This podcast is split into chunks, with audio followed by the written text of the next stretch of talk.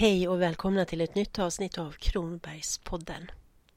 Ett av de mer udda utflyktsmålen i Växjö är utan tvekan Psykiatrihistoriska museet inrymt i en av de många byggnaderna på det utspridda Sankt Sigfridsområdet. I det gula stenhuset från 1826 finns mer än 4000 föremål av olika slag som tillsammans berättar om en sjukvårdshistoria som går tillbaka ända till medeltiden. Den allra första inrättningen i Växjö för människor som inte klarade av att själva ta hand om sig var knuten till kyrkan. Det var ett helganshus som låg bakom domkyrkan alldeles vid stranden av Växjösjön som på den tiden helt och hållet översvämmade det som idag är Linnéparken. Redan år 1318 omnämns denna kyrkliga barmhärtighetsinrättning. Det som omhändertogs var inte nödvändigtvis psykiskt sjuka utan kunde vara på obestånd på grund av ålder, sjukdomar eller avsaknad av anhöriga. Gudfruktighet och delaktighet i hospitalets trädgårds och lantbruksarbete sågs som verksam medicin för de som bodde där. På 1540-talet byggdes ett nytt hospital i det område som idag inryms mellan Linnéparkens östra del och Teleborgsvägen. Också här låg sjukhusområdet alldeles vid stranden av Växjösjön. År 1642 kom en statlig så kallad tiggarförordning om att enbart fattigdom inte gav en behörighet att bli intagen på hospital utan att det skulle finnas smittsam sjukdom, besatthet eller ursinne som grund eller alternativt total oförmåga att kunna reda sig på egen hand.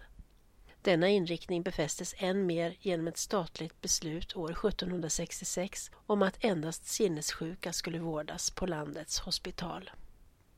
Till Sankt Sigfridsområdet och där nyuppförda byggnader flyttades hospitalet 1795. Här fanns sysslomansbostad, spannmålsmagasin och brygghus. Åtta personer, ingen av dem var läkare, ansvarade för omvårdnaden av ett 70-tal patienter, så kallade dårar. Själva sjukhusbyggnaden kallades också för Stora dårhuset. År 1824 utbröt en brand där och åtta av de intagna förolyckades. En ny byggnad uppfördes ganska omgående och det är i denna som Psykiatrihistoriska museet idag är inrymt. Detta hus kallas också för den gamla hospitalsbyggnaden. Under tiden det var i bruk som vårdinrättning fanns här 16 timrade och fönsterlösa celler för de mest oroliga av sjukhusets patienter. Dessutom fanns det två förstugor och två större rum med totalt 12 väggfasta sängar. En skomakare och hans hustru drev verksamheten med hjälp av ett antal vaktdrängar och vaktpigor som bodde i mindre bostadsrum på vinden. Hela huset hade plats för ett 40-tal patienter. Under 1800-talet började nya vindar blåsa allt mer när det gällde synen på mentalvård. 1823 utsågs Växjö hospital till ett av de åtta i landet som skulle finnas kvar medan många andra avvecklades. Samtidigt med denna centralisering ställdes det krav på ändamålsenliga byggnader och lokaler. Serafimerordensgillets generaldirektör, ordförande i Sundhetskollegium och tillika generaldirektör över hospitalerna, civila lasaretten och kurhusen, Carl-Johan Ekströmer, dömde vid en inspektion 1840 ut förhållandena i Växjö för de intagna på hospitalet och pläderade för att patienterna behövde ljus och luftväxling. Johan Fredrik Lidholm, sjukhusets första överläkare som tjänstgjorde mellan 1855 och 1897, var på motsvarande sätt känd för sina humana åsikter. Under hans tid skapades vackra promenadstråk för hospitalets lugna patienter och blomsterplanteringar och slingrande grusgångar sträckte sig genom parken som då var mycket större än idag.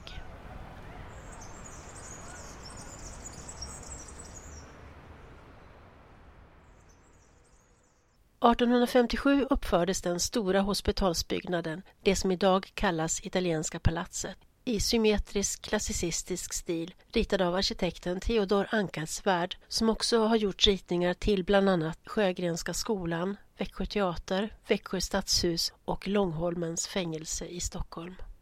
Här fanns plats för 120 patienter och nu flyttades verksamheten över hit. Den äldre byggnaden Stora dårhuset övergavs och användes som förråd. I den nybyggda stora hospitalsbyggnaden bodde en tid sjukhusets överläkare Johan Fredrik Lidholm med sin stora familj. Han hade totalt 17 barn med två olika fruar. Men oväsendet från patienterna störde honom så pass att han flyttade till Stora dårhuset, dagens museibyggnad. 1861 hade en bostad med sex rum och kök inrätts åt hospitalets syssloman med familj och nu övertog Lidholm detta utrymme medan sysslomannen fick flytta sina pinaler till ett annat äldre hus i området. Hospitalet var en egen liten värld i samhället. Man hade till och med en egen församling. Först 1870 uppgick hospitalets församling i Växjö landsförsamling. Och så sent som 1968 rev man ner de stängsel och grindar som ända sedan sjukhuset byggdes i slutet på 1700-talet hade avgränsat området. Ännu på 1960-talet måste man alltså passera en vaktstuga för att komma in på eller ut från området. Verksamheten baserades till stor del på självförsörjning och man hade egna yrkesgrupper för att inte behöva anlita folk utifrån. Sålunda hade hospitalet egna vaktmästare, snickare, smeder, kokerskor, läkare, lärare med mera. Där fanns eget bageri, bryggeri, ladugård, musikkår, parker, kallbadhus och obduktionslokal. De anställda både arbetade och bodde på sjukhusområdet. Till exempel var vaktdrängarna och vaktpigorna lediga en gång var trettonde dag. Barn till de anställda föddes och växte upp i denna enklav och många har vittnat om den starka sammanhållning och kollektiva anda som präglade deras barndom. Tanken på ett psykiatrihistoriskt museum i Växjö uppstod på 1970-talet och hade sin rot i den omfattande samling av psykiatrihistoriska föremål som den pensionerade första hantverkaren på Sankt Sigfrids sjukhus, Arvid Jernbert, hade. Samlingen var med sina 900 föremål landets största i sitt slag. 1983 fick de ta plats i den gamla hospitalsbyggnaden där Psykiatrihistoriska museet invigdes två år senare. Och idag finns det alltså drygt 4 000 föremål av olika slag där. Att gå i museet från rum till rum över knarrande gamla trägolv och bese dess stora samling olikartade föremål, dokument och interiörer är en stark känslomässig upplevelse. Dels för att den är så mäktig i sitt omfång där den spänner över både ett stora tidsspann och vitt skilda attityder vad gäller synen på mentalvård och dels för att den väcker en spontana medlidande genom den isolering som många intagna blev utsatta för och de grymma behandlingsmetoder som under vissa tider användes. Till exempel kallades patienterna för dårar ända fram till 1823 då vokabulären ändrades genom en stadga. Tidigare hade just dåre varit det vedertagna ordet. I och med denna stadga behövde man inte heller längre vara fastkedjad utan anledning utan man skulle betraktas som en fysiskt sjuk person som behövde vila.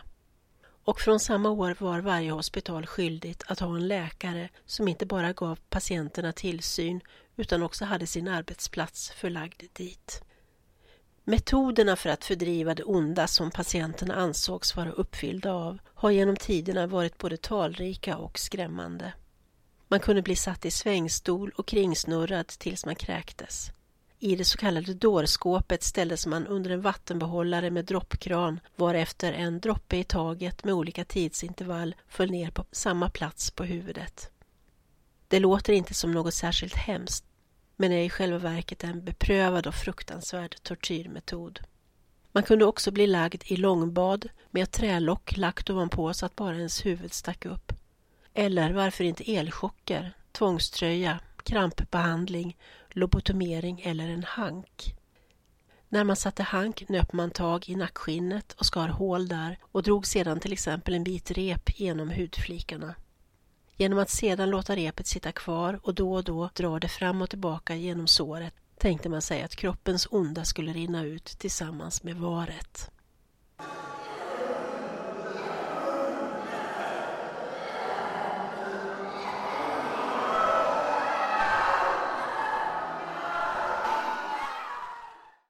Under 1950-talet inleddes medicinering med psykofarmaka. Nu drog kemin in över den psykiatriska vården och man kunde få opiumpreparat, sedativa hypnotika som var lugnande och dämpande, litium mot monodepressiv psykos, neuroleptika, det vill säga psykosmedel, antidepressiva och antiepileptiska medel. Nu var allt ändå inte bara lidande och grymhet. Synen på mentalvård har förändrats radikalt under tidernas lopp och ljus och mörker skiftat mycket. Tider med större tolerans har ersatts av perioder då de sjuka närmast betraktades som besatta själlösa djur som helst bara skulle gömmas undan och sättas i förvar. Och så har en annan tids anda och attityder svept fram med större humanitet och vilja till förbättring. Inget är konstant och många gånger är det slumpen som avgör vad man går till mötes beroende på vilken tidsålder man lever i. Åk till Psykiatrihistoriska museet och gör en tidsresa i medicinhistorien. Det hedrar Region Kronoberg att de bjuder på fritt inträde. Har du tur blir du mottagen av den kunnige museiguiden Erling Nilsson som började sommarjobba på Sankt Sigfrid redan 1962. Och vill du läsa mer om Sankt Sigfrids hospital så hittar du böckerna på biblioteket. Jag som har berättat heter Ella Styv och arbetar på Växjö stadsbibliotek. På återhörande.